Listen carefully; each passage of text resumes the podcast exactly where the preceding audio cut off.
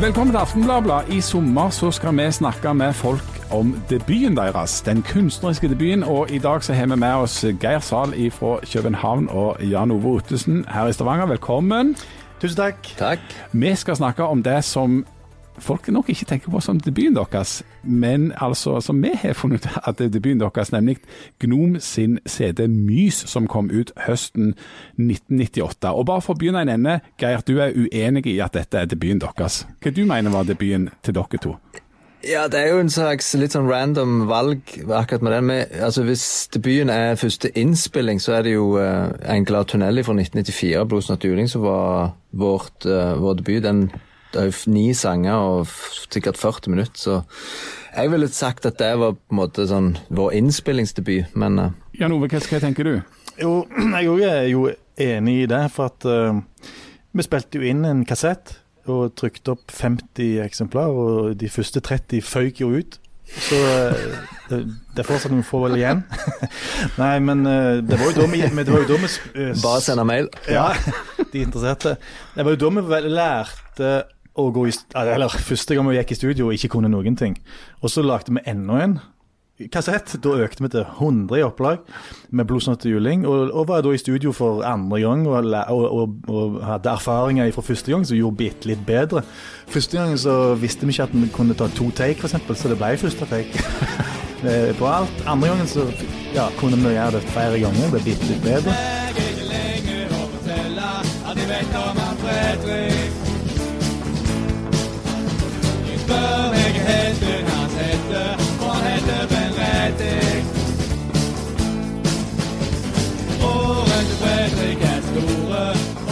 Så kan vi vel Gnom. Så sånn sett så i vår verden er vel kanskje det et tredjeplate. Ikke det at vi var særlig utlært etter Blodsnott juling. Men dere hadde jo, for dere hadde jo også spilt inn en tredje Blodsnott juling-kassett som dere ikke ga ut, for da hadde dere blitt for flinke i studio.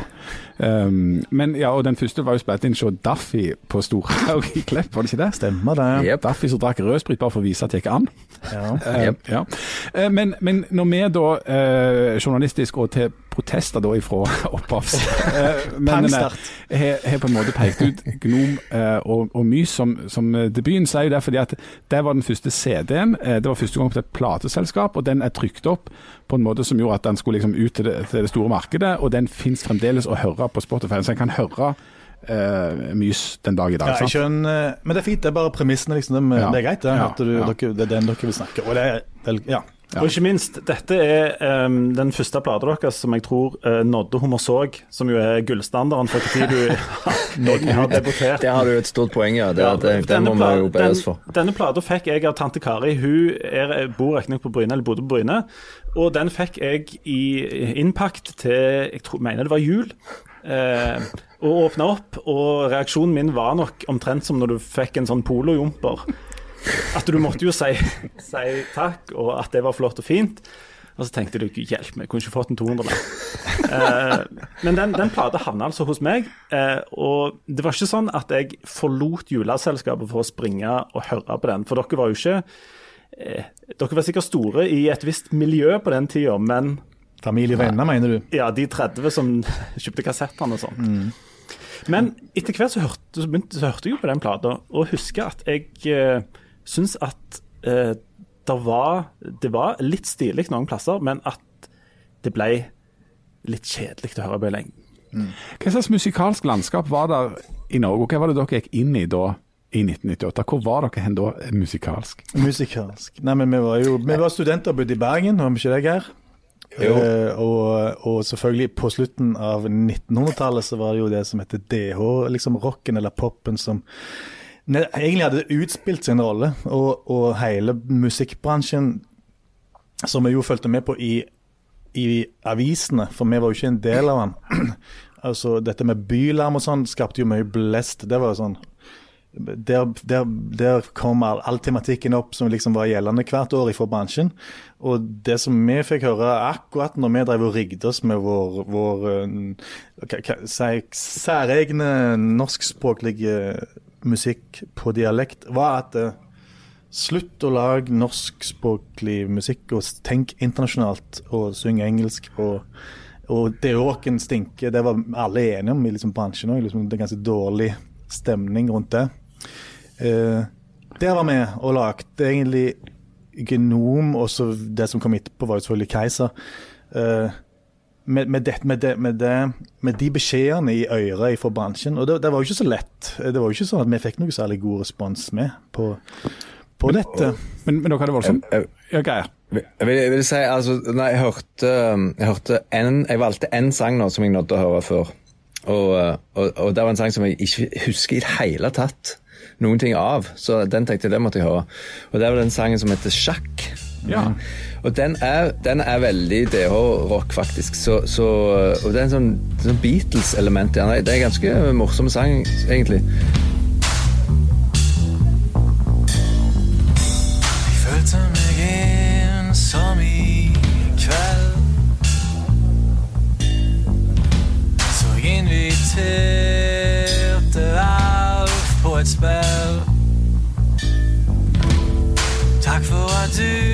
Men, um, men det, er nok mer, det er nok mer DH i det enn vi trodde det skulle være. Dere må forklare dette med, med DH-rock, for det, det er nok uh, et begrep som noen kjenner til, men ikke alle. Uh, hva, Geir, hva, hva er DH-rock for noe? Um, ja, det er litt sånn pop med sånn godt humør og egentlig ganske sånn good musicianship. Uh, Trang fødsel er jo det beste eksempelet på det. De derre ble vel òg tatt i den, og Postgirobygget. Det er vel de tre store som var karakterisert som DH-rock. Så for, for eh, folk som gikk på høgskole og, eh, og, skulle, og skulle på fest og skulle ha det litt sånn gøy og, Ja, altså Derfor DH distriktshøyskole-rock. ja. Knapt et det- kompliment. Ja, det, det kommer ikke fra undergrunnen og ifra, ifra verken hjertet eller, eller ifra hoftene. Det kommer ifra Distriktshøgskolen og litt mer, litt mer eh, pent og pyntelig, da.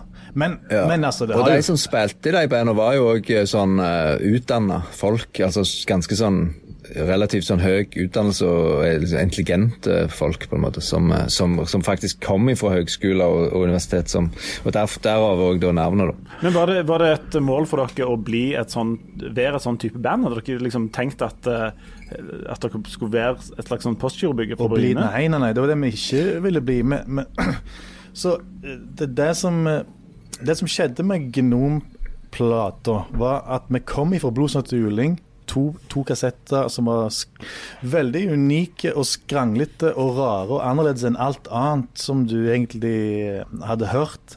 For- Fortsatt på dialekt, men mye rarere og særere enn det som Gnom var etterpå.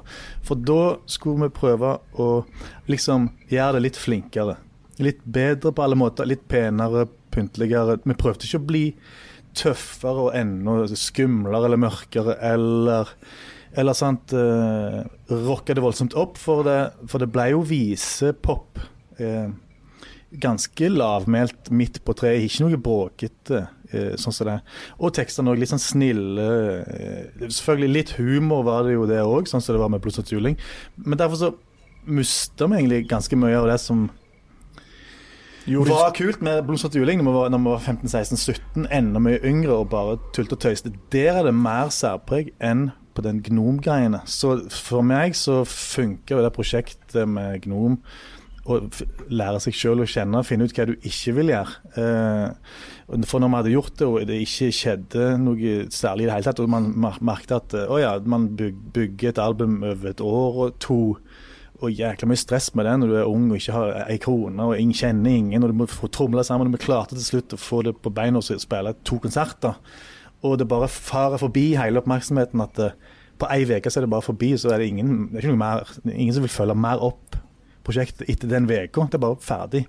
Da var det litt sånn åh, eh, dette er tydeligvis ikke eh, veien å gå. Så da begynte vi heller å, å Helt på tampen av Gnom så, så kom det jo en sang som heter 'Bastard', som egentlig er første Første keisersang. Første keisersangen. Men, men for dette, når, dette, når dere satte i gang med dette, så mente dere alvor. Eh, du Jan Ove hadde liksom vingla litt imellom om du skulle ta eh, universitetsstudier eller, eller liksom bli lærer eller et eller annet sånt som det der. Du hadde vært god å spille fotball, hadde spilt fotball. Men på, og når dere holdt på med Glad tunnel, så var det veldig sånn hobby. Men nå var det sånn at du liksom bestemte deg for at nå, nå satser du på musikk.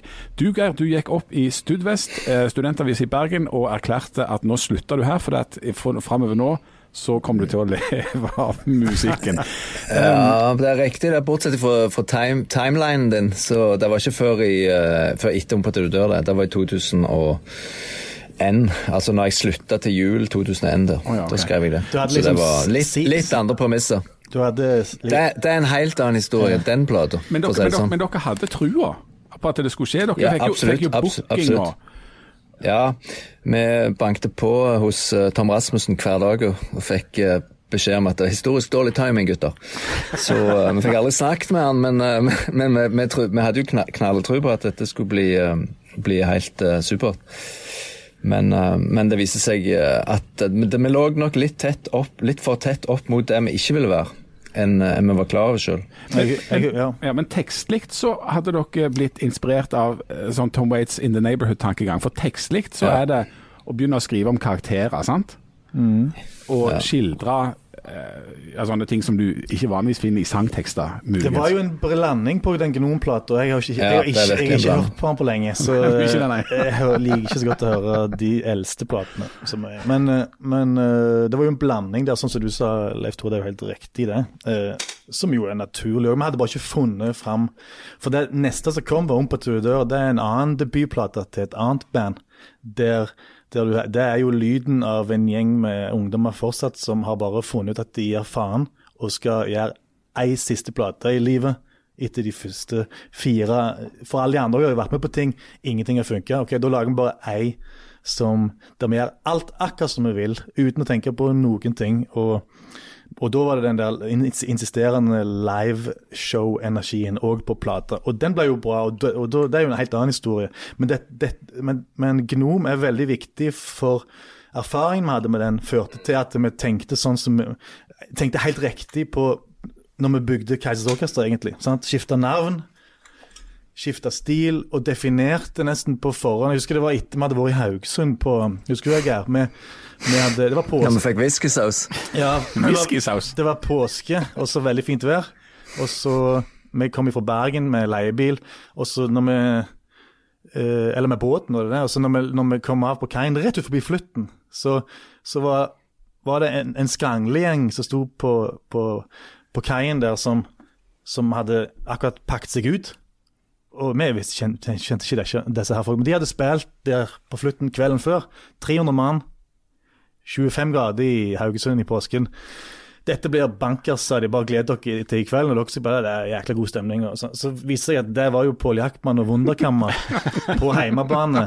Og de var et år før oss med Wunderkammer, ja, i, i forhold til Keiser. Og det, de, det er klart at det funka bra. Eh, vi uh, visste ikke hvem de var, men jeg husker det i ettertid at det var jo, der var jo Pål, der, ja. For han har vi jo blitt kjent med seinere. Og så spilte vi vår konsert, og det var jo ikke 300 mann som kom, det var mer sånn 11 eller 20. Så to mann her, to mann der. Ganske tomt. Og så husker du Germe gikk på scenen og skulle liksom knuse til og ta de og vinne de som er der. Anyway. Eh, bare det at vi spilte lavmælt visepop på nylongitar.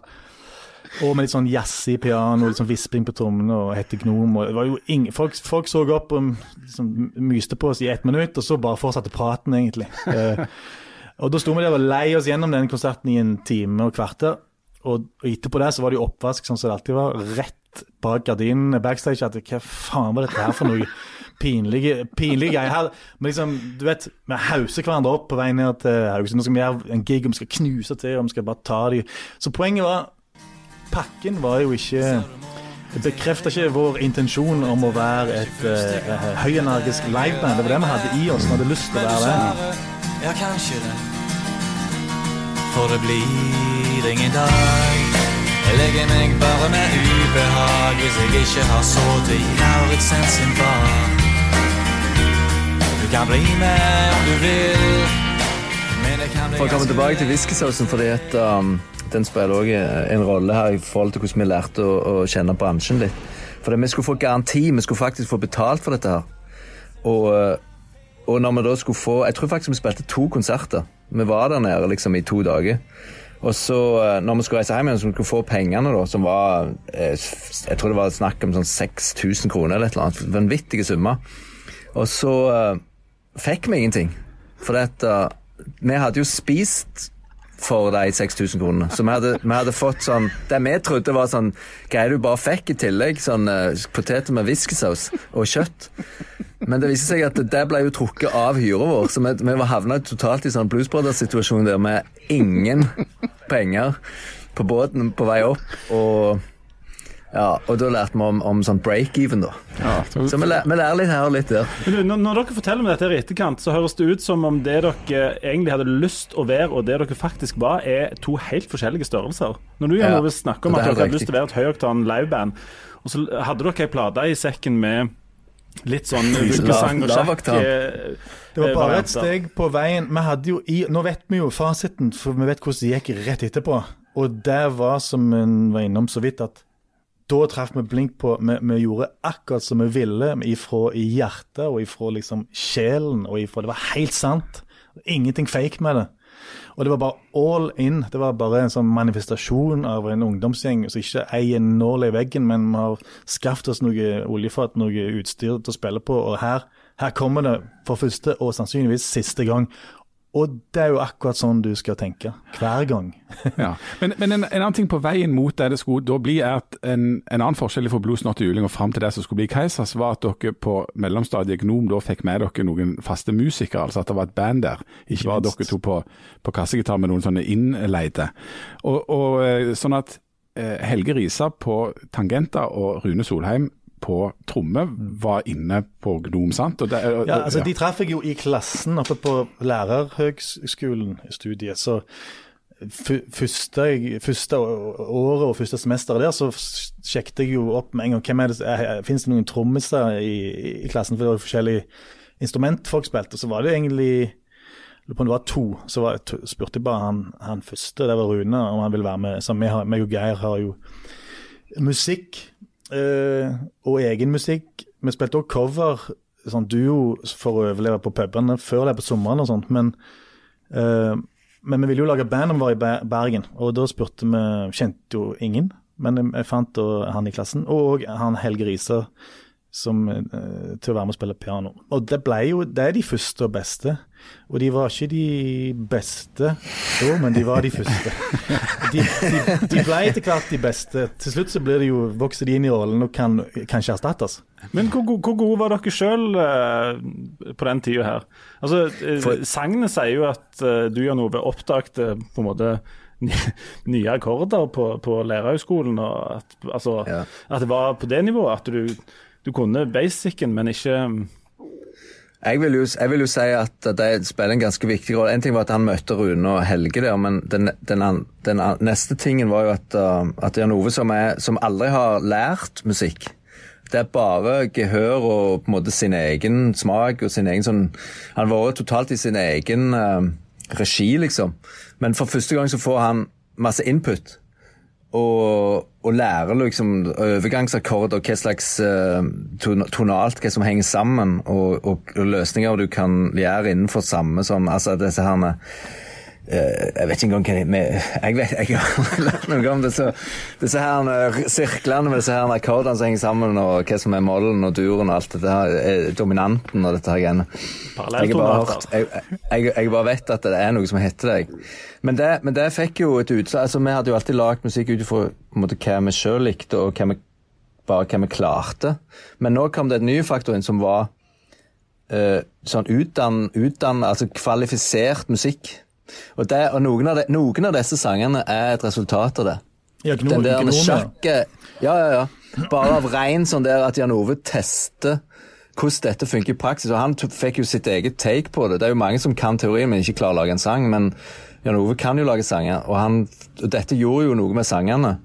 Men mer kanskje at det kom ifra en eller annen sånn hjerneplass enn en sånn hjerteplass. Syns vi, da, egentlig, når vi tenkte oss om etterpå. Men, men, men så kom det, var jo nye element som vi syntes var kule der og da. Så Kammas, for eksempel, er kanskje det beste eksempelet. Men samtidig var det sånn at dere, dere hadde musikere inne som da var gode musikere, men det var dere som fortalte dem hva de skulle spille. Ja. Ja, altså for, for det har jeg jo eh, Det har jeg jo òg funnet ut i løpet av et eh, halvt liv som komponist, sier jeg da. For en komponist eh, kan òg arrangere. Og, eh, og du sa, Leif Tore, når, når, eh, når vi, vi var ganske dårlige musikere, eh, og har vel aldri blitt kjent for å bli de beste musikerne, så mange av oss. Men vi har veldig gode visjoner for hva vi vil med, musikk, med musikken. Så de, de gode visjonene og, og evnen til å finne vår måte å, å nå de visjonene på, det er vi gode på. Så og ja, med Gnom så var vi inn Ble litt i, altså i ettertid så, så er det lett å si at vi ble ferdige, eller jeg da iallfall som uh, låtskriver, tok i bruk noen akkorder som ikke jeg hadde funnet på. Men ganske fort Ganske fort, eh, sant, Neste reaksjon på det var jo at eh, OK, så nesten sånn OK, da, har vi funnet ut det at eh, sånn som dette gjør alle i verden en, en sånn fancy Mai-akkord eller noe sånt som det, og gruver av gårde på denne måten. Greit. Da gjør jeg det på min måte. Så tok jeg over på pumpeorgelet og, lage, eh, og, og akkorden og legge til noe sånt som vi kalte for sirenetoner, som jo er dissonanser. Som er sånne små sekund, for å begynne å snakke fagspråket med. Altså det nærmeste, De to nærmeste, det blir en sånn stygg lyd. Og da ødelegger du akkorden, og det er jo på papiret feil. Men vi syns det låt kjempebra. Du skal òg vite tid du skal gjøre det, og hvor. Og det går jo på hvis du har en tanke og visjon bak det. Og dette gjorde vi jo rett etterpå. Så på en måte kjapp læring av OK, det går an å gjøre sånn. Uh, OK, got it. Liker det ikke så godt. Vi gjør heller noe sånn her. Noe annet.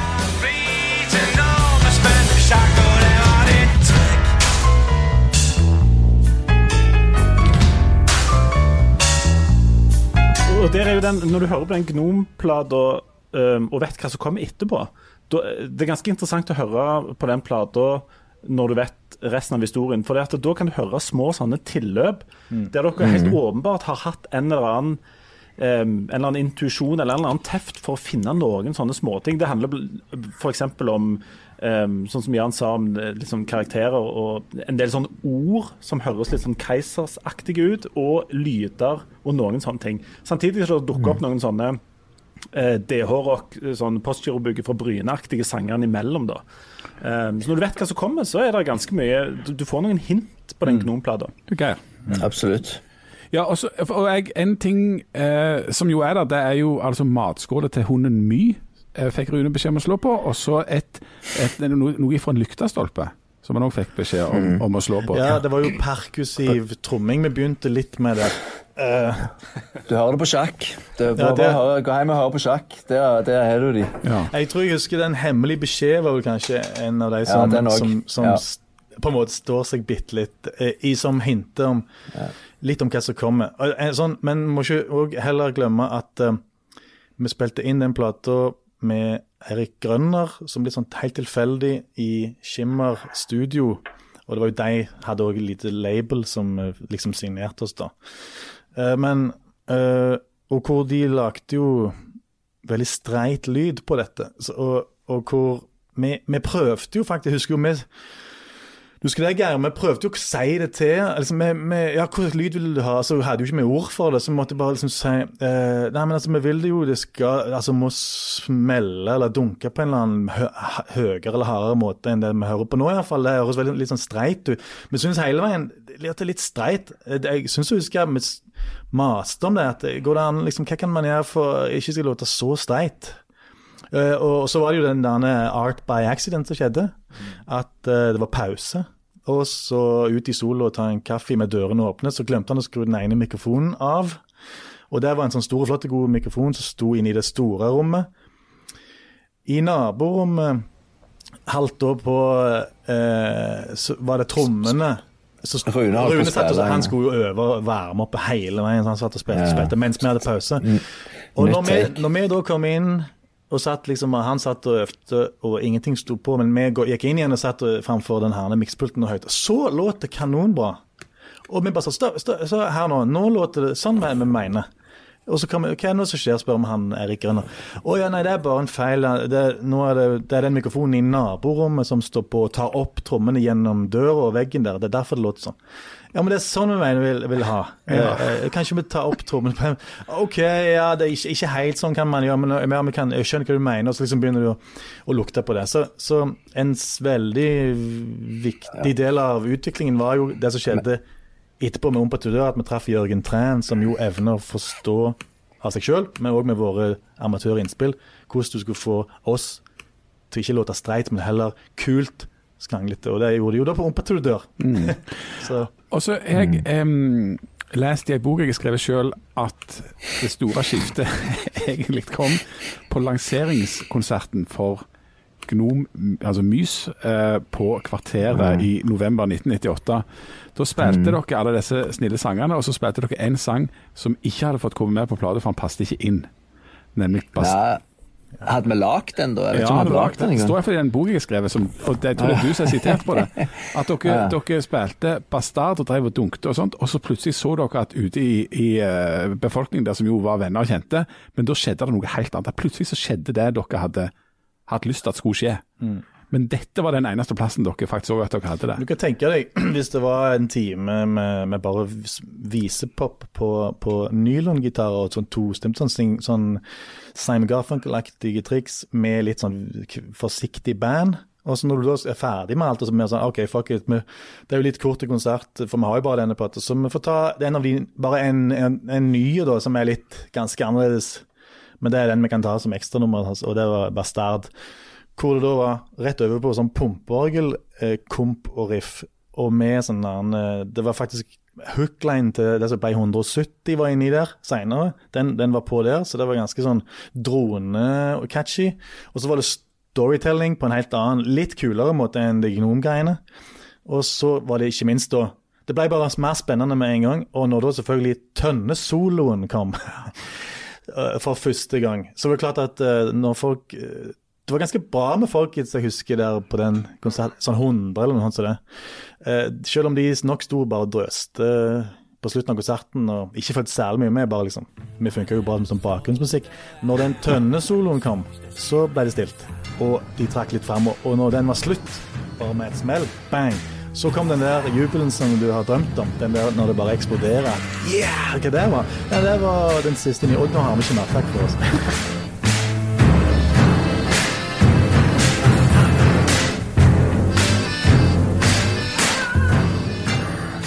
og, og da gikk vi jo backstage og bare sånn Ok, sånn er det vi jo, men vi må jo ha 20 sånne, selvfølgelig. Liksom, alle de andre må vi bare forkaste. Men altså. skjønte dere det med en gang? At, hva, er, det et, er det et så altså, så Ja, dramatisk aha-øyeblikk? Faktisk. Ja, det er et aha-øyeblikk, faktisk. For dette, det er kun, det er kun i, i, i det samspillet med publikum. Vi har jo utvikla eller vi utvikler jo det bandet i, i dialog med et publikum, for vi vil gjerne ha dem med. Vi er ikke sånne som står uh, langt inntulla i vår egen sånn der eh, kunstneriske verden på scenen og, og liksom føler hva vi skal spille, og så spiller vi det. Vi, vi vil gjerne ha vi, Det er noe annet vi vil ha, det, det er et samspill og en sånn utveksling av energi. Og, og den fikk vi der. Så, så det var liksom det, det vi hadde, det var det vi, uten at vi hadde kanskje satt ord på det, men det var akkurat det vi drømte om å oppnå. Var å få til. Men Gikk dere da på bakrommet og heiv alt dere hadde, og tok vare på tønnesoloene og pumpeorgel, Ja. og bare satte de i gang? Hvor, hvor, hvor, Ja. og, og skrev 130 nye sanger, og så hadde utvalget til neste plate? Ikke, ja, ikke nesten sånn som det. Vi lagde ikke så mange sanger. Men jeg husker ikke det. Du vet, dere vet kanskje best sjøl timingen. Hva sa du, 98? At Nove- dette var November 98, november 98 var kom lanseringsfesten på så, så prøvde vi vel i et år, tenker jeg, til 99, og innså i løpet av det året at dette her går ikke. Og så, så begynte vi nok. Og da var vi nok i 99, så jeg tipper i løpet av slutten av 99 og inn da gjennom 2000. Det, det er ett og et halvt året der, så lagde vi stort sett alle de sangene som er på Humpa pluss en fire-fem til som ikke kommer. Så, som jo vi ga ut år etterpå i 2001, og, og det var i september. Men før det så spilte vi ganske mange, jeg lurer på om vi var oppe i 25-30 konserter med Keiser før eh, den der eh, plata kom. At vi hadde Jeg bookte jo tre konserter her og tre konserter der eh, i forkant, og så bookte jeg sjøl den der eh, releaseturneen. På, så, så ja, det preste seg fram. Det var nesten som vi kunne. Vi har òg vært veldig gode på Apropos det der med vi, å heller Vi er gode på visjoner. Vi trenger ikke, øve så mye mer på gitaren, for at eh, du skal til slutt bare levere eh, ideen. Så du trenger ikke terpe så mye på den. Den skal du til slutt få lov å spille. og Det skal spilles akkurat sånn. Og du trenger ikke kunne noe annet heller i livet enn akkurat den. Så vi kan Vi hadde, vi hadde veldig mye sånne verbale øvinger. Det, det har vi alltid hatt, det syns jeg den dag i dag er dødsbra. At du sitter bare og snakker gjennom, gjennom ideene og musikken. Du trenger ikke sitte og så øve på det. For det tar vi for gitt at eh, etterpå så skal vi jo gjøre det. Men vi, vi kunne egentlig definere Keiser før vi hadde lagd det. For det første vi måtte skifte navn, kanskje hete Gnom. Og, Ja, men, ja, men hvorfor ikke? Ja, det var et, teit Det var liten G. ja, teit lite navn. Det ble for liten. og så var det vel en blanding av at den andre De mistenkelige, eller hva den heter på norsk den andre... The Usual The Usual Suspects. Suspects. Keiser Søse. Der har du Keiser Sose, som var han der mm, Som var han der mystiske som ingen visste hvem var i den filmen, før du til slutt forsto det var han. Når det er ti sekunder igjen av filmen, så forstår du det er han, eh, han der eh, Kevin Spacey. Eh, som jeg syns det var et kult navn. Jeg tror det var fra der Keis, Keiser. Og så var det et annet coverband som, i, som heter Som spilte Tom Waits, som heter vel Hva det heter det? Seven Dwarf Orchestra.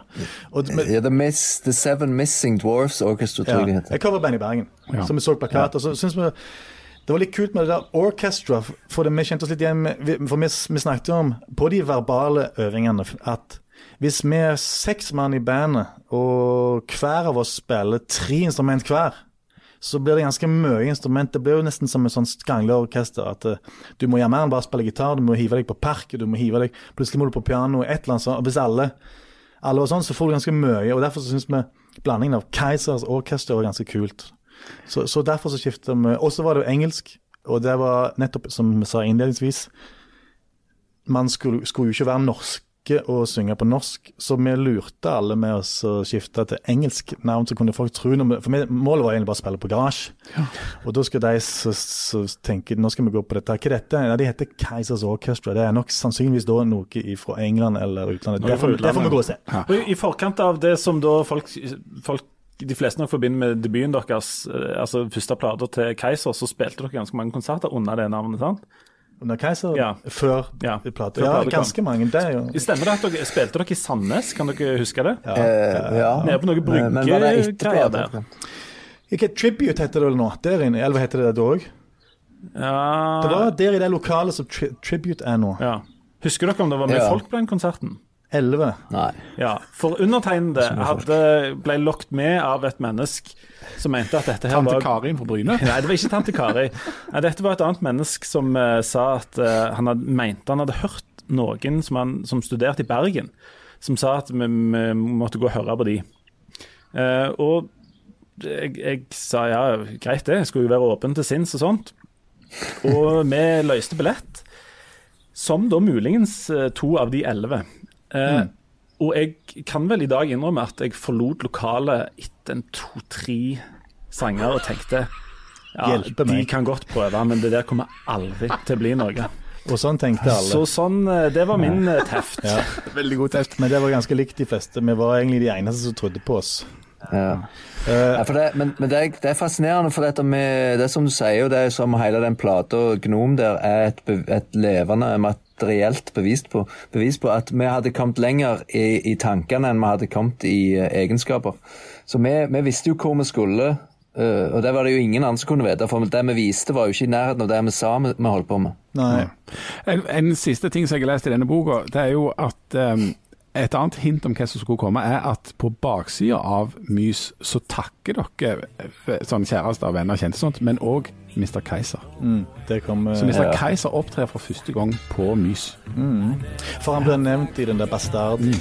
Men den Bastardsangen er ikke på albumet. Så det var akkurat overgangen, ja. Men jeg fikk ingen kunder. Kom og kjøp, kom og kjøp. Nei, jeg tenkte kunder. Jeg beit en hånd av en viss Mr. Kaiser.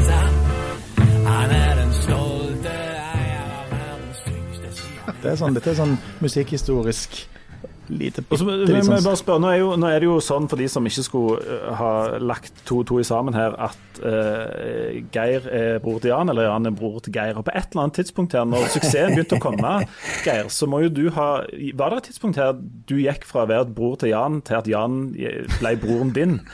Um, Så ble han, så ble han broren min. Så det, Helt, Nå, nå er jeg jo bare bror til Hilde, så det går nedover med alle. Du går nedover. Det, vi har vært topp, så du møter de på vei opp eller ned, de som du møter på vei opp. eller hva det. Onkel Reisende Geir er du nå, i Danmark. et, et, et helt siste spørsmål. Når um, eh, så, så kommer jo det Ompa- Ompa-plata. Når skjønner dere for alvor at nå smeller det? For det hadde de jo ikke gjort med Gnom og Mys. Men neste plate, da smeller det. Når er det tidspunktet der dere skjønner at oh, her Det er nå det begynner. Det er kanskje, kanskje to ting for meg. Det var jo, jeg lurer på om det der, Vi fikk et par seksere i VG og sånt. så var, Da lå vi jo på sofaen din, eh, Jan, i Oslo.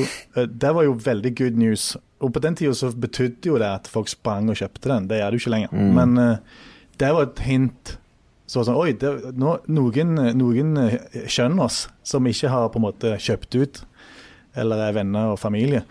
Det var kult, så da får vi se hva som skjer. Det, og det som skjedde var Vi gjorde ca. 20 konserter på den der releaseturneen. Da var det jo ikke så mange, for at vi var jo ukjent for det. Men i løpet av bare den turneen Vi begynte i Bergen og slutta i Bergen. Og den første var jo grei, for det var den første liksom, med masse venner og kjente i Bergen. Bra det, men så ble det mindre og mindre rundt omkring i landet, og så balte det på seg litt. Og så når vi hadde etter en liten måned var tilbake i Bergen og skulle spille på Handelshøgskolen, var ikke det? Ute på, Mm, jo, i den der jo. mellomscenen de har med 300 mann. Mm. Så fikk vi vite før vi hadde kommet hjem at eh, den er utsolgt. Og da begynte vi å lure eh, eh, Altså Kjenner hvordan, vi går det an at det er utsolgt? Vi spilte nettopp i Bergen, og så nå kommer det enda mange flere der ute der som allerede har vært før. Det var, det var sånn Oi sann, hva er det for noe? Og så når vi Og det øyeblikket mitt er, Jeg husker vi hørte på The Strokes backstage som jeg ikke skjønte da. Jeg bare husker jækla masete rock med sånn tynn lyd. Jeg liker det godt. I- med tynn ja, så sånn, ok, anyway, da går vi på. Og da, på den tida begynte, begynte vi alltid med at Helge gikk bare alene på og spilte Mr. Keiser han skulle stanse, og meg på pumpeorgelet instrumentalt, uten at vi var med. Som en sånn introsang, at han bare sitter der og trør, og så får, det, så får publikum trekke litt lenger fram mens det skjer, sånn at vi har litt flere når vi kommer på. Den dagen så var det 300 mann som sang hele Mr. Keiserens konsert, som meg, altså, i, i publikum. I full sånn, altså. Mens vi sto bak, det var meningen å bare trekke folk litt lenger fram. Og da ifra var det sånn Herregud, det er jo eh, er det, kan, kan alle den sangen av alle? Det var liksom den siste på plata i tillegg.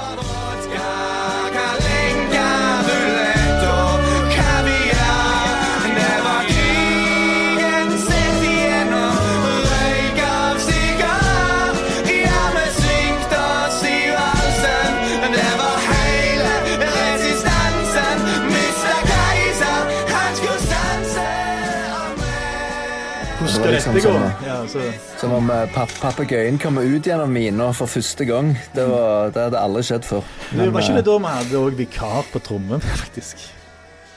Jo, Rune var ikke med på den. Han satser på tampen. Ja. Der ser du. Det var Men, men, men du eh, Jan Ome har hatt ganske god tro på det ganske lenge før, for du hadde allerede tatovert inn denne gassmaskemannen over hjertet lenge før noen ting av dette. Ja, jeg, jeg lagde et, et statement til meg sjøl, bare for meg sjøl, på den perioden der at liksom Som sagt hvis dette, det, var, det lå ikke an til at vi skulle lage så veldig mange flere plater. Det var jo kjempedyrt når du ikke har noe ting. Så liksom, men vi hadde ei til innabords, og den skal bare bli nøyaktig som vi vil sjøl. Ingen andre med. Men vi var jo heldige med, med mange ting. Det, det, det er jo òg flaks at eh, vi treffer Jørgen Træn, og han var så gode. og og mikser, ja, jo, lyd. vi hadde jo faktisk pl fått platekontrakter med, med Remo Red. Altså det var han som betalte for det, for vi hadde jo ikke penger. Vi hadde jo lånt 25 000 av Chris for å lage Gnom, og, og mot at han skulle få 26 tilbake. Og det, det skulle ikke bli store problemet, men eh, sånn to år etterpå så tror jeg vi var, var i null på den. Så det, så, så, så det med å betale for det, det er faktisk òg viktig, da, at vi fikk en ekte Vi platekontrakt fikk der vi ikke skulle betale det sjøl. Selv. selv om det var verdens minste, liksom. Det var, jeg tror bare var 60 000 som trengtes. Men når ikke du har ei eneste krone, og ingen andre tror på det, og han ene trodde, så blir det jo det, da. Så nei, så jeg tatoverte den eh, som et sånn mm, mitt eh, manifest på at eh, jeg trodde på det, og her er beviset. Mm. Så egentlig så skulle det jo gå ganske greit da med dette Keisers Orkester, det har mange som har hørt om. Um, som et slags nest siste spørsmål, hva, hva gjør dere nå? Hva, hva først? Hva, hva gjør du for noe? Nei, jeg sitter jo faktisk i studioet mitt her i, uh, København og uh, Ja, holder på. Jeg har akkurat fått eh, miksene fra et uh, soloalbum jeg skal ut nå til høsten. Så, så jeg sitter og, og lytter litt til det. Skal sendes til mastring snart. Ja. Så, så vi holder fortsatt på med musikk. Og det er utrolig nok. Jeg vet fortsatt ikke så mye om det der akkordstrukturene og det der, men, eh, men eh, det viser seg at man kommer langt på å bare vil, ville noe og føle noe for noe. Og Jan Ove? Ja, jeg, jeg, jeg gjør jo det samme, egentlig, bare mer av det, og mer sånn bredere. Altså, derfor sier jeg er vel så mye komponist som sånn der en eh, musiker, eller hva du skal kalle det. For jeg lager veldig mye musikk til forskjellige ting. Teater, musikaler. Det har vært til film. Lagde jo min første symfoni i fjor, eller brukte fire år på det, til The Mute. Men òg holder på med sånn soloalbum. Så akkurat for tiden så, så ferdigstiller jeg òg neste eh, soloalbum med, med band. Jeg har òg en annen variant som er det soloalbum alene. Så der, eh, der jeg òg driver Du er alltid i i starten, midten eller sluttfasen på et eller annet prosjekt. Og alle vet hva det siste spørsmålet må være. Ja, Det kan du, du få stille. ja, for du, Jan Ove, du tatoverte jo uh, den uh, Keisers logoen på hjertet tidlig. Og det er om å gjøre å legge litt i potten av og til. Og jeg har meg og en kamerat har et veddemål. Den dagen dere uh, vinkte til folk og takket for dere i DNB Arena, så sa jeg at om ti år så uh, kommer de til å gjøre uh, comeback med hele Keisers-sulamitten. Og hvis ikke det skjer, så skal du få 10 000 av meg. Og så tok vi i hverandre i hånda på det, og det begynner faktisk å nærme seg litt. Du begynner å bli nervøs nå. Ja, og så er spørsmålet bør jeg begynne å sette av penger, eller kan jeg eh, i rive hvert 10 000 på kredittkortet? Sett inn i, litt, i et fond, kanskje. ja, så du... Eh, Hvor, lenge har det gått nå, da? Nei, altså Det er om tre år, da. Om tre år. Var det ikke 2013? Ja, Vi stoppet jo i var det 14. september 2013. Ja. Så det er tre år. Og jeg, hvis jeg må sette av penger, så må jeg begynne å gjøre det nå. Ja. Har du noen tips? Nei, det, tjener, tjener de, tjener vel ganske bra å i, i, i Stavanger Aftenblad, ikke det?